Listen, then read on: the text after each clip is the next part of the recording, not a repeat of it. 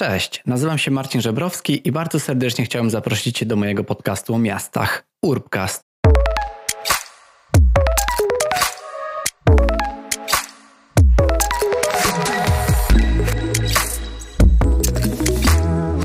Cześć i witajcie w najnowszym odcinku Urbcastu. A dziś porozmawiam o bardzo, bardzo ciekawym temacie, jakim jest dla mnie rezyliencja miejska i o tym, jak wdrażać ją w naszych miastach, jak o niej mówić, jak edukować też samorządowców i nie tylko na temat tego, jak sprawić, żeby nasze miasto było rezylientne, czyli no właśnie, jakie? Możemy użyć słowa po prostu miasto odporne, czyli takie, które jest przygotowane na różne kryzysy i pandemia, która nas nawiedziła, jest tylko jednym z przykładów takich kryzysów, które się w naszych miastach pojawiają i z którymi no, należy w jakiś sposób jednak walczyć. O tym właśnie rozmawiam z Agnieszką Muras, która jest działaczką społeczną i koordynatorką programu kształcenia liderów miejskich w Fundacji Szkoła Liderów, a także koordynatorką programu Szkoła Liderów Miast i Przywództwo w Samorządzie. I z racji tego, że Agnieszka poprosiła mnie o bycie patronem medialnym właśnie programu przywództwo w samorządzie, to stwierdziliśmy razem, że tak naprawdę najfajniej byłoby po prostu na ten temat porozmawiać. Stąd też z, z tego patronatu wyszedł nam też odcinek bardzo ciekawej rozmowy, gdzie tak naprawdę rozmawiamy o tej miejskiej rezyliencji, ale w takich, w takich bardzo, bardzo wielu aspektach, tak? Czyli staramy się nie tyle to pojęcie wytłumaczyć, ale też użyć mm, no, bardzo ciekawych przykładów z, z życia, aby tą rezyliencję pomóc Wam jeszcze lepiej zrozumieć. Odnosimy się też do Kopenhagi, choć nie tylko, więc, więc ja też e, mogłem się na ten temat trochę więcej wypowiedzieć, bo tak samo jak rezyliencja miejska, tak samo różne projekty w Kopenhadze to nie są rzeczy mi obce, dlatego też e, mogłem się pomądrzyć e, trochę na rzeczy, o których coś wiem. I zapraszam Was na tą rozmowę szczególnie dlatego, że przywództwo w samorządzie to jest też bardzo ciekawy projekt, który jest skierowany właśnie do włodarzy miejskich, do liderów, do tych, którzy kształtują tą zmianę, ale ważne jest to, żebyście też zauważyli, no żebyśmy my jako ludzie wiedzieli, że tak naprawdę te zmiany w miastach zależą od nas i, i to nie jest jakiś taki pusty slogan czy frazes. Ja to będę powtarzał, bo tak naprawdę jest, tak? Mamy naprawdę wiele możliwości do zaangażowania się do takiego życia miejskiego. Jedną z takich możliwości jest też na pewno szkolenie w, właśnie w szkole liderów i od razu już e, zachęcam Was też do sprawdzenia strony internetowej tejże fundacji. A póki co zapraszam Was na najnowszą rozmowę z Agnieszką Muras.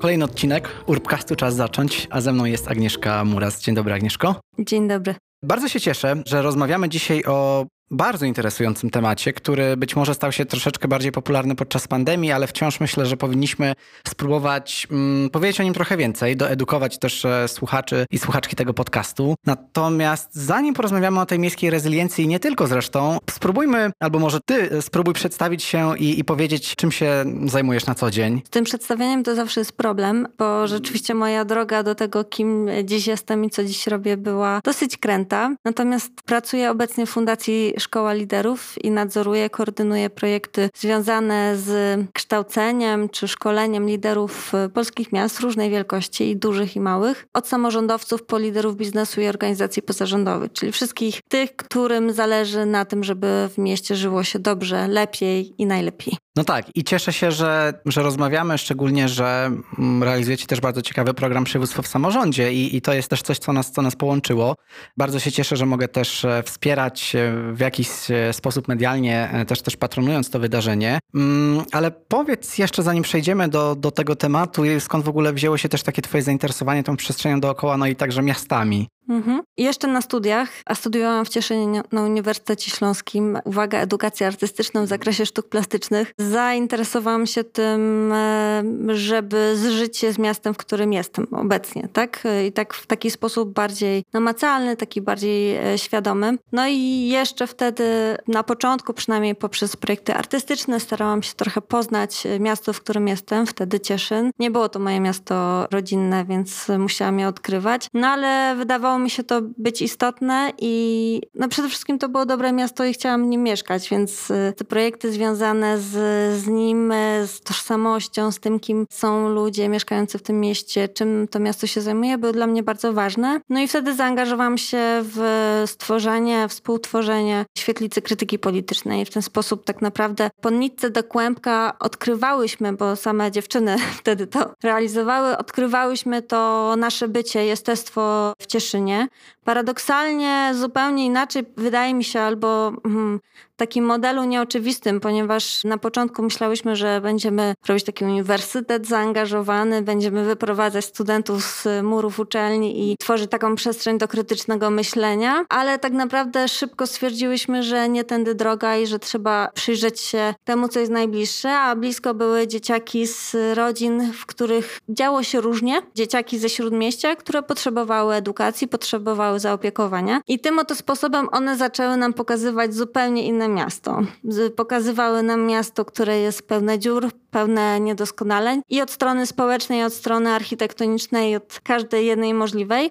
No i one nam pokazywały, że jest potrzebny budżet obywatelski, one nam pokazywały, że trzeba się zająć projektowaniem społecznym w mieście, że trzeba zastanowić się, w jaki sposób są udostępniane podwórka przy kamienicach w centrum miasta i właściwie jak to miasto zostało zaprojektowane. A jest to miasto średniowieczne, w związku z tym y, wtedy nie projektowano dla dzieci, projektowano dla, dla dorosłych. No i właśnie te, te wszystkie rzeczy odkrywałyśmy. Od tego, czym są pomniki w mieście, na przykład odkrywałyśmy taką mm, no, ukryte symboliczne znaczenie tego, co, co nas otacza wokół, aż do momentu, kiedy zaczęłyśmy się angażować politycznie. Politycznie w rozumieniu takiej bardziej tworzenia miasta, tak? nie, nie politycznie w sensie partyjnym. No i właśnie takie nasze zaangażowanie w Urzędzie Miasta, współpraca z radnymi, współpraca z burmistrzami, albo czasami kontra do władz. To była taka nasza codzienność. No i to trwało, to, to był taki początek jeszcze na studiach i trwał jeszcze przez parę lat. I to był ten moment, kiedy dla mnie bycie w mieście stało się bardzo ważne, a po przeprowadzce do Warszawy i takie poszukiwanie swojej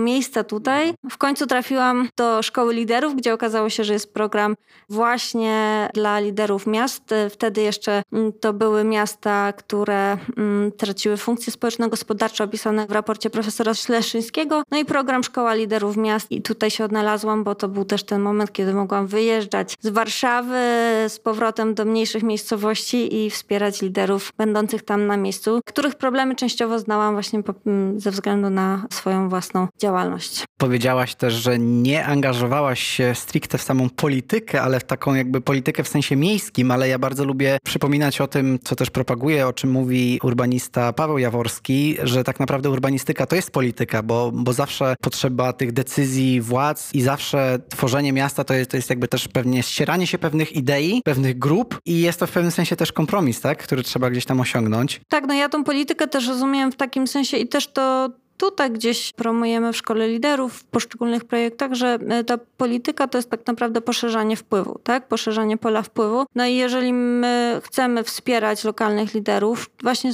bez względu na to, z którego sektora oni się wywodzą i jeżeli są liderami albo pretendują do tego, żeby być liderami, to w gruncie rzeczy o to chodzi, żeby poszerzyć pole wpływu, ale też, żeby brać odpowiedzialność za to, czym ten wpływ ma być, prawda? I co niosą na sztandarze. Więc tak, znaczy zajmujemy się tutaj polityką. I też stwarzamy przestrzeń do tego, żeby tworzyć silne środowisko osób odpowiedzialnych w danym mieście. Bo mówi się o tym, że właśnie miasta tracą swoje funkcje społeczno-gospodarcze, że jest odpływ osób z dużych miast na peryferia, każdy chce mieć ten swój domek z ogródkiem i tak dalej, i tak.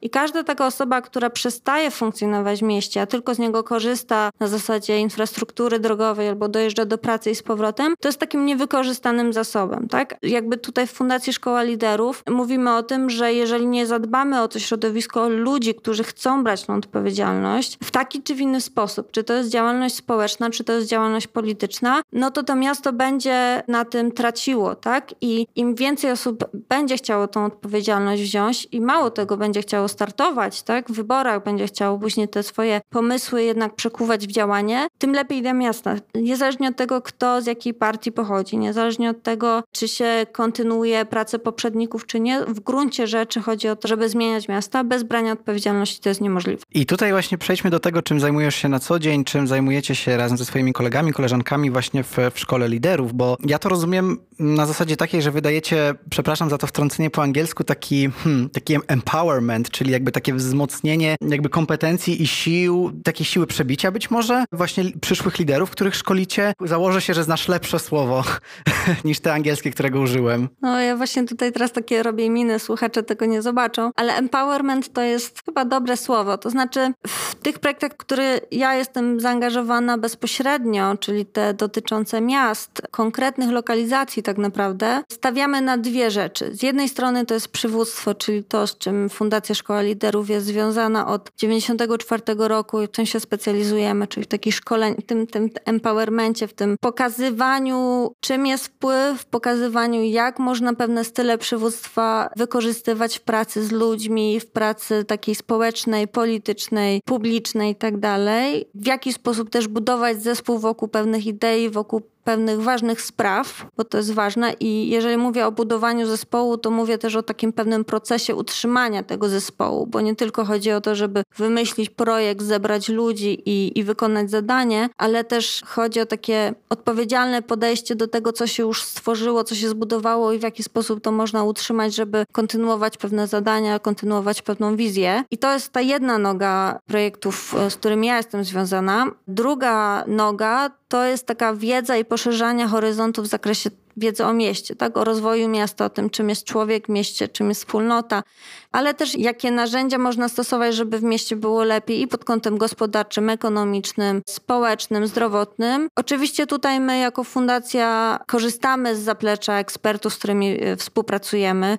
Korzystamy również z zaplecza Fundacji Waolia Polska, z którą współpracujemy akurat przy tych dwóch projektach, bo teraz powiem, przywództwo w samorządzie i Szkoła Liderów Miast. To są te, te dwa takie projekty, które ja prowadzę bezpośrednio. Korzystamy z zaplecza tych ekspertów, ponieważ no, my nie jesteśmy tutaj ekspertami od wszystkiego, prawda? I jakby zapraszamy, zapraszamy uczelnie, zapraszamy ekspertów niezależnych do tego, żeby nas wspierali w tym i też odpowiadali przede wszystkim na te potrzeby, które zgłaszają nasi uczestnicy te projekty, które my realizujemy, nie są od samego początku do końca mm, zaprojektowane czy zaplanowane. Raczej są zaplanowane pewne kierunki, którymi chcemy podążać, ale staramy się tak tworzyć na bieżąco te projekty, żeby one odpowiadały danej grupie osób, z którymi w danym momencie współpracujemy. Czyli jeżeli pojawia się, nie wiem, potrzeba zrobienia szkolenia na temat tego, w jaki sposób budować strategię miasta, to zapraszamy takiego eksperta. Jeżeli głównym problemem w mieście jest spalanie spalarnia śmieci. Zapraszamy wtedy ekspertów, eksperta, którzy też poszerzą po prostu pewne pole widzenia na dany temat. No bo właściwie my się tym zajmujemy, tak? Poszerzamy pewne, czy pozwalamy usiąść w kole albo na, na, w komunikatorze i powiedzieć, i stwarzamy tą przestrzeń do tego, żeby porozmawiać w miarę bezpiecznych warunkach na temat tego, co jest nie tak, co jest tak, co możemy razem sobie dać, żeby w mieście żyło się lepiej. Biorąc pod uwagę oczywiście konflikt konflikty, które mogą się pojawić. Ale tutaj właśnie trochę mieszam wątki, ponieważ trochę próbuję nakreślić, na czym to wszystko polega. Niemniej te dwa projekty, o których wspomniałam, dotyczą czego innego.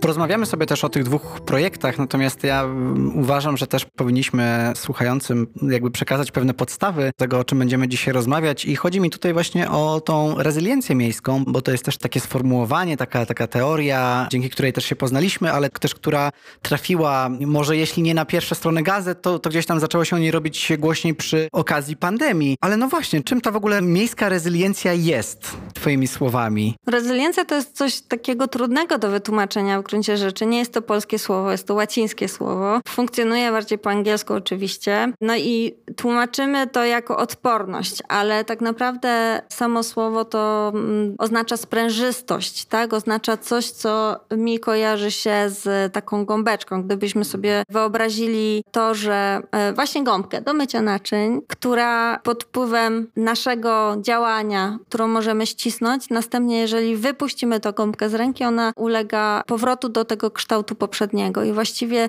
tym ta rezyliencja jest, czyli taka sprężystość, odporność na to, na te czynniki, które mogą działać z zewnątrz, tak? Mówiąc o odporności, oczywiście mówimy jakby to w kontekście kryzysu, stąd, stąd pewnie to e, nawiązanie do pandemii. No i właśnie to jest taka koncepcja, która polega na tym, że z jednej strony jest to zdolność do powrotu właśnie do byłych, do podstawowych czy, czy poprzednich funkcji danej jednostki, w tym wypadku miasta, ale też to jest umiejętność przewidywania tego, co nas czeka, co może nastąpić. I te kryzysy, o których ja mówię, mogą być krótkotrwałe i długotrwałe. Tak? Możemy je przewidywać w sposób bardziej taki uporządkowany, za pomocą właśnie raportów typu profesora Śleszyńskiego, ale mogą się pojawiać takie sytuacje, takie wstrząsy, których sobie nie możemy wyobrazić nawet. Nikt o tym nie myśli. I tym przykładem jest na przykład pandemia, o której półtora roku temu nikt by nie pomyślał, że może nastąpić. Już nie mówiąc o tym, że będzie to problem globalny, ale to będzie lokalny właściwie, bo czasem myśląc o globalnych problemach, myślimy sobie, a to do nas nie przyjdzie. Natomiast jeżeli chodzi o pandemię, no to ona przyszła, dotknęła nas, naszych sąsiadów, naszą rodzinę, nasze miasta, nasze społeczności, tak? Duża też lekcja pokory, bo pamiętam też, też takie nastawienie, że a gdzieś w Azji coś tam się pojawiło, natomiast będzie gdzieś to nas może omijać i gdzieś tam rzeczywiście te nastroje były na samym początku inne, więc duża lekcja pokory też moim zdaniem, ale właśnie pandemia to jest ten jeden przykład, a porozmawiamy też o tym w ogóle na jakie inne też kryzysy są narażone nasze miasta. Zanim o tym, to jeszcze chciałabym powiedzieć o samej rezyliencji, to znaczy, bo też zaczęłam, oczywiście temat jest długi, ale nie jestem pewna, czy to jest jasne, to znaczy samo to pojęcie też nie jest niczym nowym. Mówimy o tym, że ono się pojawiło w naszej przestrzeni, czy wśród ekspertów, wśród osób zainteresowanych tematami miejskimi w ostatnich latach, ale w gruncie rzeczy to jest pojęcie, które zostało ukute w latach 70., czyli to już jest ponad no, 50 lat. I teraz pytanie, no właśnie, jak bardzo innowacyjni jesteśmy w tym podejściu. No i rezyliencja, czy ta odporność miejska, to jest coś wykraczające też poza zrównoważony rozwój. W Polsce nie jest to tyle popularne, ponieważ my jeszcze jesteśmy zachłyśnięci tematami smart city, slow city, różnymi różnymi Dump e, city.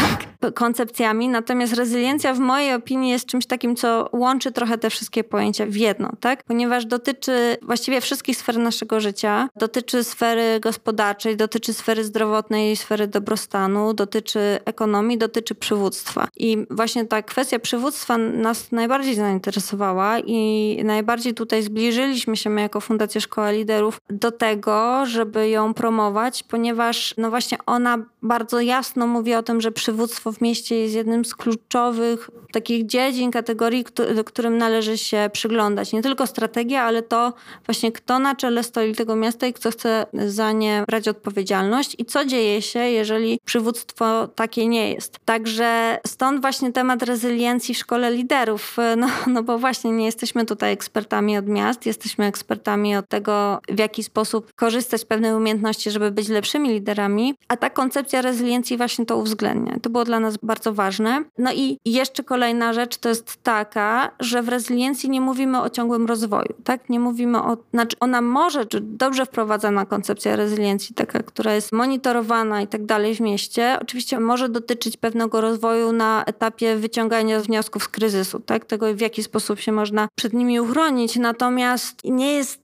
tak bezpośrednio kojarzona ze wzrostem, znaczy w tym ujęciu rozwojem. Rezyliencja pokazuje, że miasto jest pewnym ekosystemem, jest takim wielkim naczyniem, w którym jest mnóstwo różnych innych mniejszych systemów, które ze sobą współpracują. Jeżeli któryś z nich jest naderwany, obciążony, to wtedy, wtedy wszystkie inne w jakiś sposób na to odpowiadają. Tak? Jeżeli w mieście jest wypadek drogowy, no to nie dotyczy tylko zdrowia i życia danej osoby, która w wypadku uczestniczyła, ale dotyczy również innych dziedzin życia typu działalności służby zdrowia, działalności policji czy stanu dróg w mieście, prawda? Więc właśnie o tym jest ta rezyliencja. I teraz y, i py pytanie. Tak, możemy przejść do tych też kryzysów, na jakie ta rezyliencja może odpowiedzieć, tak? Tutaj się pojawiają znowu dwie rzeczy. To znaczy, y, z jednej strony kryzys nam się kojarzy z czymś, co jest nagłe, intensywne, przychodzi z nienacka i może szybko szybko nas opuścić. Natomiast różne agendy, różne konferencje, na których też, e, czy to Narodów Zjednoczonych, czy różne inne organizacje, które się tym tematem zajmują, rozróżniają dwa typy e, kryzysu, czy takiego wstrząsu. Te kryzysy, które są takimi, ja bym to nazwała, pełzającymi kryzysami, ślimaczymi i takimi, które wiemy, że nastąpią, ale nie ma ich teraz, więc z jednej strony można się do nich łatwo, łatwo czy łatwiej przygotować i są te nagłe, tak? Oczywiście rezyliencja też jako, znaczy oczywiście, nie dla wszystkich to jest oczywiste, ale temat rezyliencji też pojawił się w pierwszej kolejności jakby na agendzie w odpowiedzi na problemy związane ze zmianą klimatu i nagłymi zdarzeniami pogodowymi. Mm, to są huragany, to są, to są trzęsienia ziemi, to jest tsunami, to są powodzie. Natomiast właśnie szereg ekspertów rozwinęło to pojęcie o różne inne problemy w zakresie właśnie służby zdrowia, ogólnie dobrostanu ludzi, ekonomii, infrastruktury i właśnie przywództwa. I no, jakie to mogą być problemy? No, pomyślimy sobie o styczniu 2020 roku w Gdańsku i wiemy, że miasto dotknął wielki kryzys związany z zamachem na prezydenta Adamowicza. Tak? I to jest wielki kryzys i taka próba też tego, w jaki sposób funkcjonuje miasto. To, to jest jeden z kryzysów. Kryzysem może być nagłe podtopienie. Ostatni, w ostatnich tygodniach cała Polska żyła podtopieniami w Poznaniu. Ja też wtedy akurat byłam i cztery godziny próbowałam wrócić do mieszkania, w którym powinnam być. I to jest nagły kryzys, który szybko przychodzi i odchodzi, ale z którego też bardzo łatwo można wyciągnąć pewnie wnioski, przeanalizować, jak do niego doszło i można też się uzbroić w pewne narzędzia, które y, mogą jemu zapobiegać, albo wręcz można wykorzystać to doświadczenie do tego, żeby właśnie miasto było bardziej odporne, bardziej rezylientne. Jakie mogą być jeszcze problemy? No to może być właśnie huragany na Pomorzu, prawda? Kilka lat temu, też związane ze śmierciami osób. Harcerka zdaje się w jednym z miasteczek, tak? Zginęła tylko ze względu na to, że przed huragan, którego nikt się nie spodziewał, albo nikt się nie spodziewał tego, że mogą drzewa zostać powalone od tej siły wiatru. Ale mamy te łatwiej chyba nam w Polsce mówić o takich problemach związanych właśnie z ekologią, związanych ze środowiskiem, bo patrząc na zmianę klimatu, możemy przewidzieć to, że nasze Pomorze będzie zalewane, tak? I podnosi się poziom e, morza, w związku z tym e, Gdańsk za jakiś czas będzie miał wielki problem. Gdańsk, Gdynia, Sopot, wszystkie te nadmorskie miasta będą miały problem z tym, że będą musiały stworzyć prawdopodobnie infrastrukturę, która będzie zapobiegała podtopieniom albo się z tym pogodzą i po prostu znajdą inny sposób na swoje miasto. Oczywiście powodzie, możemy tutaj mówić o powodzi tysiąclecia, 90 latach, ale to też jest duży kłopot i tu jest akurat bardzo dużo zrobienia, bo mimo tego dużego, traumatycznego dla wielu osób doświadczenia, my jako kraj, jako miasta nie wyciągnęliśmy za dużo lekcji z tego, dalej betonując brzegi rzek, dalej je prostując, co powoduje właśnie, że te skutki powodzi są bardziej dotkliwe, prawda?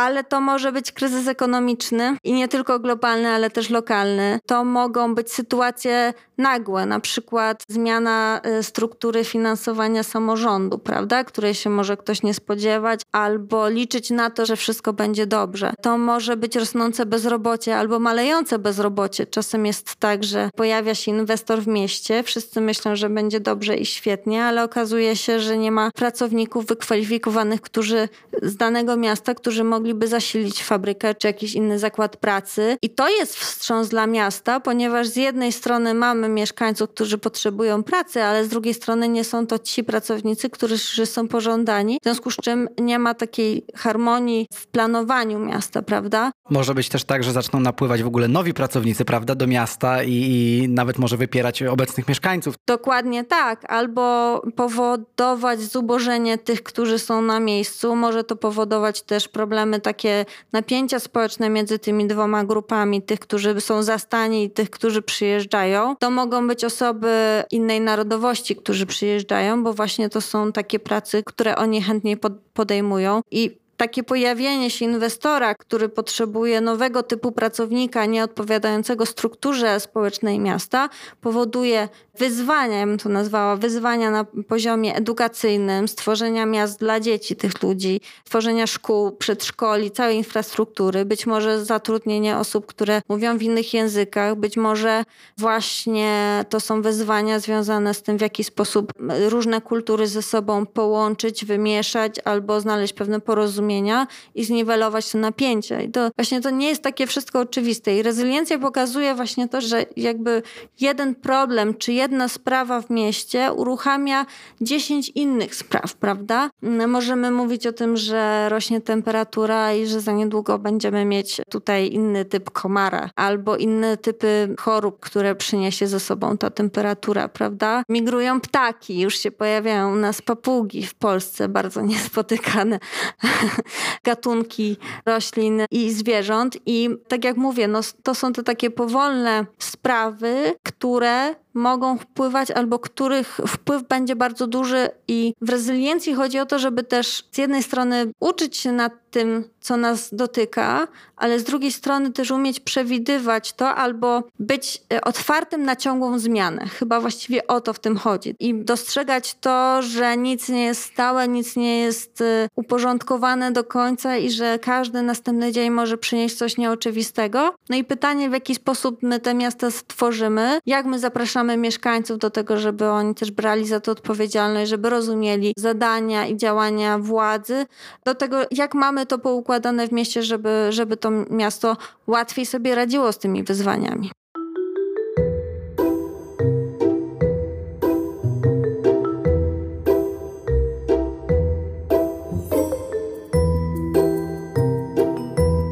Cytując, jedyne co jest stałe w życiu to zmiana, ale dla mnie to jest też, jakby ja to rozumiem jako mm, właśnie tą mm, taką szansę do nauczenia się czegoś. I tutaj jeszcze tylko szybko powrócę do jednego z kryzysów, czyli na przykład kryzys powodzi. I to jak mówiłaś, że nie do końca się może nauczyliśmy e, wielu rzeczy z tej powodzi. Ja przytoczę Kopenhagę, w której mieszkam na co dzień, że tam rzeczywiście w 2011 roku wystąpiła przeogromna powódź, która kosztowała miasto 6 miliardów koron. I ja z tego co, co wiem, co właśnie podróżowałem, podziwiałem różne parki w Kopenhadze, to, to tam na szczęście tej lekcji, znaczy nauczyli się, wydaje mi się właśnie, że Kopenhaga może być przez to miastem takim rezylientnym, że wyciągnęli pewne wnioski, bo na przykład powstało bardzo wiele parków retencyjnych, czy parków, które w momencie zwiększonych opadów przyjmują bardzo duże ilości tej, tej wody, czy nawet e, specjalne dzielnice klimatyczne, tak zwane klimat kwarter. I właśnie, i jak uczyć tej rezyliencji, bo co zrobić, żeby właśnie, czy poprzez właściwie też, też ten program, który, który realizujecie, czyli przywództwo w samorządzie, jak, jak tych liderów miejskich uczyć o tej rezyliencji, żeby rzeczywiście to nie było coś tylko w teorii, ale też w praktyce. Mhm. Kopenhaga jest y, świetnym przykładem, bo rzeczywiście te zbiorniki retencyjne, o których mówisz, to nie są takie zwykłe zbiorniki. To znaczy one w momencie, kiedy jest susza albo po prostu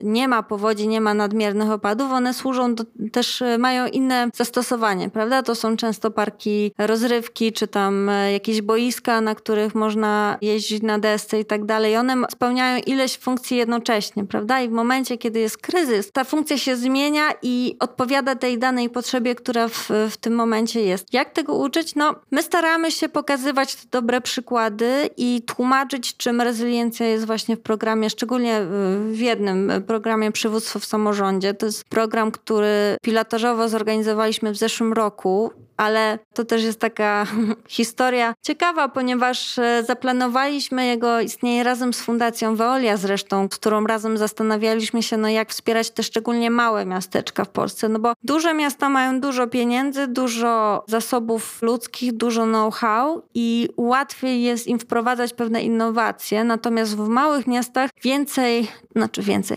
właściwie w małych miastach można więcej, ale wymaga to pewnego zaufania i takiej, takiego otwarcia się na nowe. I myślę, że to jest przeszkoda, ale w gruncie rzeczy w małych miastach znowu łatwiej pewne rzeczy można wprowadzać i traktować jako takie laboratoria miejskie. No i razem z Fundacją Wolia Polska zastanawialiśmy się jeszcze w 2019 roku, co możemy zrobić e, dla tych mniejszych miejscowości, tak? Tam, gdzie tych pieniędzy nie ma, albo tam, gdzie jest innego typu dostęp do know-how. No i wymyśliliśmy program Przywództwo Samorządzie, którego pilotaż zrobiliśmy w momencie, kiedy wystąpiła pandemia koronawirusa. I to był taki duży przypadek, I pandemia pokazała, że to, o czym myśleliśmy od jakiegoś czasu, jest właśnie tym, co trzeba zrobić. A jak to zrobiliśmy? Spotkaliśmy w online wtedy przedstawicieli dziewięciu samorządów. Zaprosiliśmy do projektu burmistrzów, zastępców, prezydentów, zastępców, sekretarzy miast, skarbników, urzędników e, wysokiego szczebla, tych, którzy podejmują decyzje, tych, którzy inicjują pewne działania. I z jednej strony pracowaliśmy z nimi nad tymi kompetencjami miękkimi, czyli nad ich zespołami, nad tym, czym dla nich jest przywództwo w jaki sposób jednoczą ludzi wokół pewnych idei, a z drugiej strony wprowadzaliśmy ten temat rezyliencji. My w Szkole Liderów jakoś upodobaliśmy sobie metodologię, którą przygotowała firma Arup dla Fundacji Rockefellera w 2013 roku. Pewnie na podstawie tych różnych innych narzędzi, które też ONZ wprowadzało wcześniej, udostępniało miasto, czyli indeks rezyliencji miejskiej i na podstawie tego indeksu stworzyliśmy taką ramę projektu, tak? czyli z jednej strony zapoznawaliśmy samorządowców z tym, czym ta rezyliencja jest, jak do tego podchodzić. Z drugiej strony zapraszaliśmy ekspertów do tego, żeby poszerzali tą wiedzę. I to jest to, co my możemy robić. I chyba dużym walorem tego programu też jest to, że czy to na sali szkoleniowej, czy w online spotykają się ludzie z różnych miejscowości, z, z różnymi problemami, ale z wieloma takimi, które występują wszędzie i mogą o tym ze sobą szczerze porozmawiać. Najpierw trochę rozbrajamy te grupy, grupy i staramy się wprowadzić takie poczucie zaufania, a nie właśnie konkurencyjności, a następnie zachęcamy osoby, które w tym biorą udział do tego, żeby szczerze ze sobą rozmawiały i też inspirowały się do tego, jak, jak można im przeciwdziałać albo jak, jakie lekcje można z nich wyciągnąć i, i kogo też włączyć w działania zapobiegające pewnym kryzysom. Tak? My też mówimy o takiej ważnej roli i biznesu, i organizacji społecznych, takie przełamywanie pewnych stereotypów, które funkcjonują, albo przyglądanie się osobom e, z innego pola światopoglądowego, czy mm, osobom, które mają inne priorytety na co dzień niż my i spróbowanie zrozumieć też tego, w jaki sposób one funkcjonują, jakie mają cele, to jest coś, e, na, na co my zwracamy uwagę, ponieważ wiemy, że taka różnorodność w mieście jest potrzebna. Także poszerzanie pola widzenia poprzez włączanie tych ludzi, tych, którzy chcą, tych, którym zależy, do tych procesów, które zachodzą w mieście, jest niezwykle ważne, bo to jest pierwszy moment takiego budowania właśnie tej sprężystości, o której mówiłam. I to my dajemy. Te programy to nie jest zwykła szkoła, ale to też nie ma takiego waloru hmm, konferencyjnego. To nie jest moment, kiedy uczestnicy sobie się wymieniają kontaktami i na tym koniec. My budujemy relacje pomiędzy nimi i wiemy, że po takim projekcie burmistrz Chrubieszowa może zadzwonić do burmistrza Chrzanowa i zapytać: Słuchaj, jak to zrobiłeś, tak? Albo chcielibyśmy zrobić coś podobnego, co nam doradzisz? Albo burmistrz Gorzelca może zadzwonić do prezydenta Zamościa i powiedzieć: No, mamy problem z tymi odpadami, nie radzimy sobie. Taka i taka metoda u nas nie funkcjonuje. Jeszcze w dodatku radni są przeciwko. Jak ty to zrobiłeś, tak? I to jest to. Uczestnicy też później zostają z nami w kontakcie. Jakby staramy się monitorować, czy sprawdzać, czym oni się zajmują, promować to, ponieważ no, im więcej z tego programu zostanie, tym więcej osób na zewnątrz też może skorzystać, tak? To pokazuje samorządowcom, że to, z czym oni się borykają na co dzień, to nie jest problem jednostkowy. To nie jest tak, że tylko oni doświadczają jakichś y, złych rzeczy, tylko że pewne sprawy są uniwersalne i właściwie dzięki tej wymianie, dzięki temu poznawaniu się i budowaniu relacji, można łatwiej sobie z tymi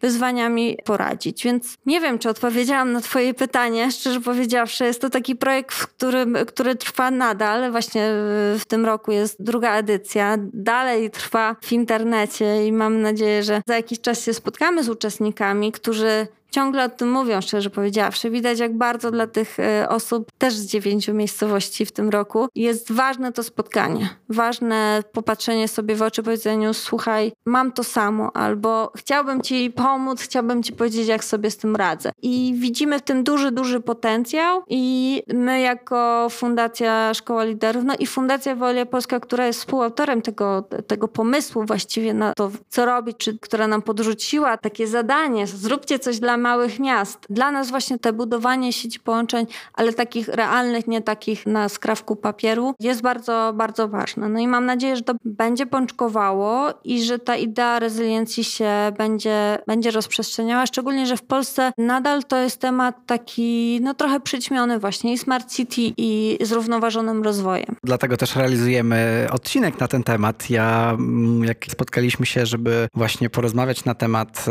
waszego programu, to ja się bardzo cieszyłem, że porozmawiamy. Od razu chciałem rozmawiać o tej rezyliencji miejskiej, bo bardzo chcę też ten termin popularyzować. I kończąc już powoli właśnie tę tematykę, chciałem jeszcze zapytać, bo powiedziałeś coś takiego, że szkolicie liderów, żeby ta wiedza od nich w pewien sposób też promieniowała na otoczenie, czy też na mieszkańców. Ale tutaj chciałem to odwrócić i zapytać, a co mieszkańcy mogą zrobić, żeby sprawiać, żeby ich miasta właśnie były bardziej rezylientne?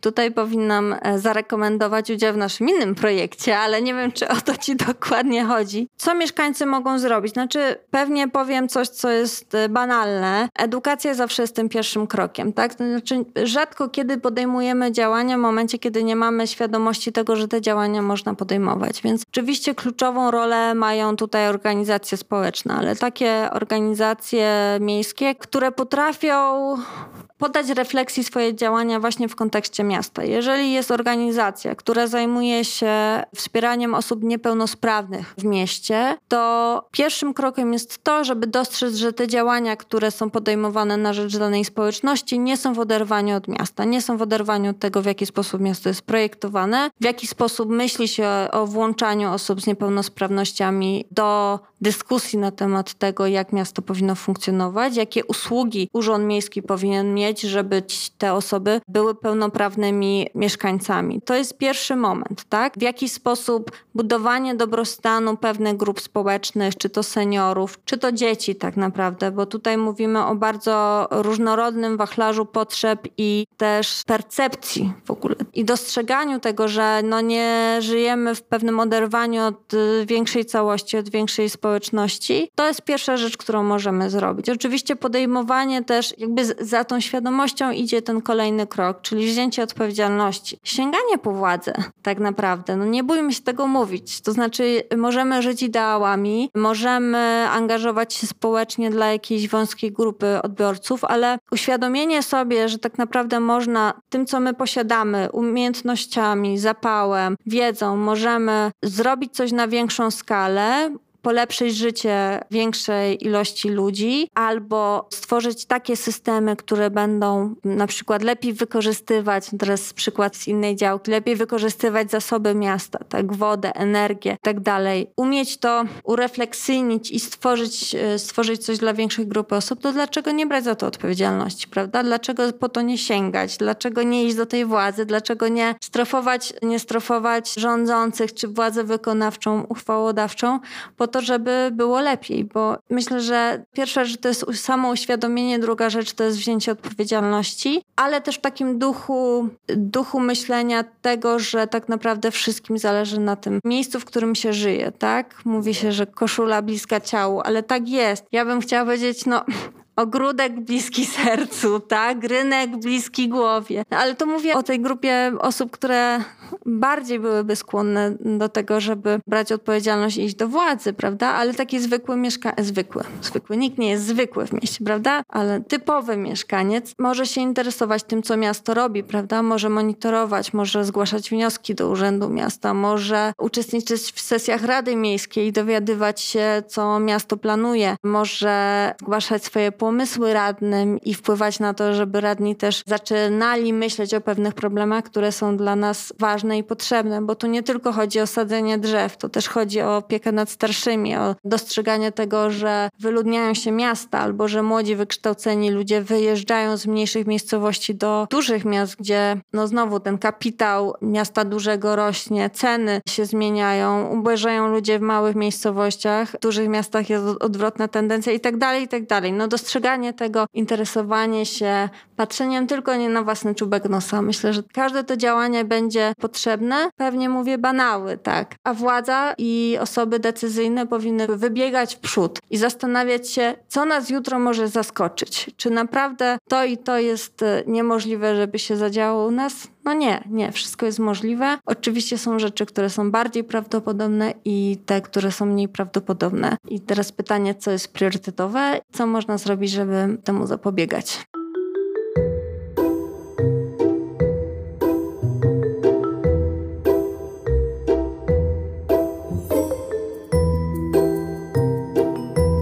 Ja bym podsumował naszą rozmowę tak, że nie bójmy się polityki, nie bójmy się wpływać na politykę w takim sensie, że nie bójmy się wpływać na, na nasze miasta w tym sensie. I ja bym też jeszcze dodał do tego, żeby, żebyśmy nie bali się też być kreatywnymi, bo podoba mi się ten przykład e, niedawno bardzo popularny chłopaka, nie pamiętam jego imienia i nazwiska, który usmażył na jednym z placów jajecznicę, tak? I jakby niewiele trzeba tak naprawdę, żeby nagłośnić niesamowicie dany temat na, na skalę, no właściwie całego kraju. Więc tutaj jeszcze, jeszcze to bym dodał i no wydaje mi się, że rzeczywiście też nie bać się tego, żeby potem takim etapie właśnie samoświadomości, że coś w tym moim miejscu na przykład dookoła nie gra, żeby też nie bać się pójść dalej i żeby nie bać się też dokształcać i, i właśnie szukać tego, jeszcze raz użyję tego empowermentu na tak, koniec. Tak, no i to, że ciągle żyjemy w zmianie i to nie jest tak, że zmiana i życie w zmianie pojawiło się dziś, bo teraz o tym dużo się mówi, jest to modne. No, zawsze żyliśmy w zmianie. Ludzkość, właściwie rozwój polega na ciągłej zmianie. Wczoraj byliśmy trochę kimś innym, dzisiaj jesteśmy kimś innym i jutro będziemy kimś innym. Inaczej będziemy funkcjonować z ludźmi, innych osób będziemy poszukiwać do pewnych działań, prawda? Wczoraj byliśmy dziećmi, jutro będziemy osobami starszymi. Zastanawiajmy się, myślmy o sobie, ale też myślmy o tym, że nie jesteśmy sami na tej planecie i że od naszej postawy po prostu wiele zależy zależy. Zależy życie innych i zależy życie nasze. Na zmiany też wpływają książki, które czytamy i tutaj na koniec Agnieszko chciałam cię poprosić o polecenie książki, którą, e, która ci się spodobała. Może być o tematyce miejskiej, ale niekoniecznie może być też to coś innego niż książka, ale jeśli masz jakąś książkę, to, to śmiało. Zastanawiałam się nad tym i trochę się stresowałam tym pytaniem, bo stresowałam się dlatego, żeby nie popaść w jakiś banał. Tych książek ostatnio dużo wychodzi i pewnie każdy z twoich przedmówców wiele takich książek przywołuje. Ja parę książek czytam teraz o tej tematyce tematyce, ale nie powiem o książce. Powiem o krótkim artykule naukowym, ale pisanym w taki sposób chyba moim zdaniem jasny, klarowny i chciałabym go zadedykować wszystkim tym, którym zależy na tym, żeby właśnie mieście żyło się lepiej, żeby były bardziej rezylientne. To będzie artykuł mm, Rafała Czechora z uczelni Jana Wyżykowskiego na temat rezyliencji. I ten artykuł jest dostępny w internecie. Nie mam tytułu, ale na pewno jeżeli Państwo wpiszą rezyliencję i e, nazwisko profesora to wyskoczy w przeglądarce, więc e, polecam. To jest krótki artykuł, który bardzo jasno, w fajny sposób mówi o tym, skąd się rezyliencja wzięła i co z tego wynika. I na koniec jeszcze tylko pytanie o to, gdzie możemy śledzić Twoje, Wasze i także działania mm, projektu Przywództwo w Samorządzie. Zapraszam na stronę szkoła myślnikliderów.pl. Tam e, znajdziecie, wszyscy znajdą informacje na temat e, projektów. Obecnie projektujemy, jesteśmy w takiej fazie przygotowania takiej specjalnej strony dedykowanej właśnie tym projektom, którymi się zajmuję i właśnie tematowi rezyliencji, więc jeszcze nie mam adresu który mogłabym podać, ale na pewno u nas na stronie fundacji będzie to niebawem. Też strona Fundacji Wolia, tak? czyli naszego wieloletniego już partnera, który nam e, stawia kolejne wyzwania, ale też który towarzyszy i współtworzy te e, projekty miejskie. I tam też można, oczywiście Facebook, oczywiście media społecznościowe, tam, tam nas można znaleźć. Dodam te wszystkie linki w opisie, tak aby słuchacze mieli tą łatwość, aby po prostu się przeklikać po naszej rozmowie i też dowiedzieć się czegoś więcej na temat temat projektu, na temat e, szkoły liderów, jak i waszego działania. A póki co chciałem ci po prostu bardzo serdecznie podziękować za tą rozmowę. Dzięki, bardzo dziękuję. Dziękuję za zaproszenie, dziękuję, że patronujesz naszemu przedsięwzięciu. To jest dla nas bardzo ważne. I tak, dziękuję. Dla mnie jest to też przyjemność, zaszczyt, no i tak jak wspominałem, żeby też popularyzować, edukować na temat e, tak ważnych aspektów tego ogólnie miejskiego życia urbanistycznego, a rezyliencja jest na pewno jednym z nich. Także jeszcze raz bardzo dziękuję i do usłyszenia, zobaczenia niebawem. Dzięki. Dziękuję.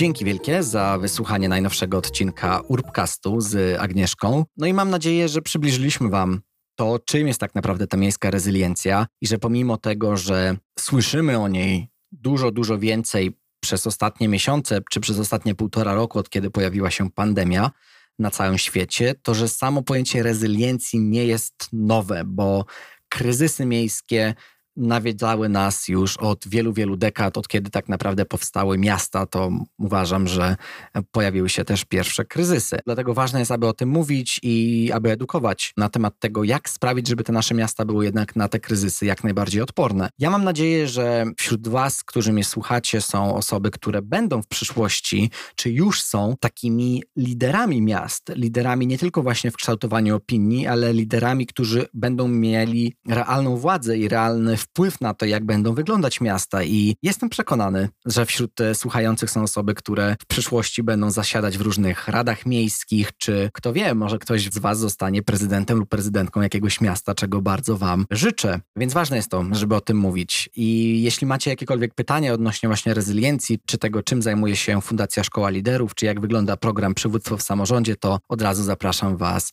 do kontaktu, na przykład do Agnieszki Muras, czy do czy na stronie internetowej w Fundacji Szkoły Liderów. Oczywiście bardzo serdecznie zapraszam Was też do kontaktu ze mną, a także do wejścia na stronę urbcast.pl, gdzie możecie zapisać się na newsletter, w którym dzielę się smaczkami podcastowymi i miejskimi. Także zapraszam Was, mam nadzieję, że tam się słyszymy i że słyszymy się także w kolejnym odcinku Urbcastu. Do usłyszenia.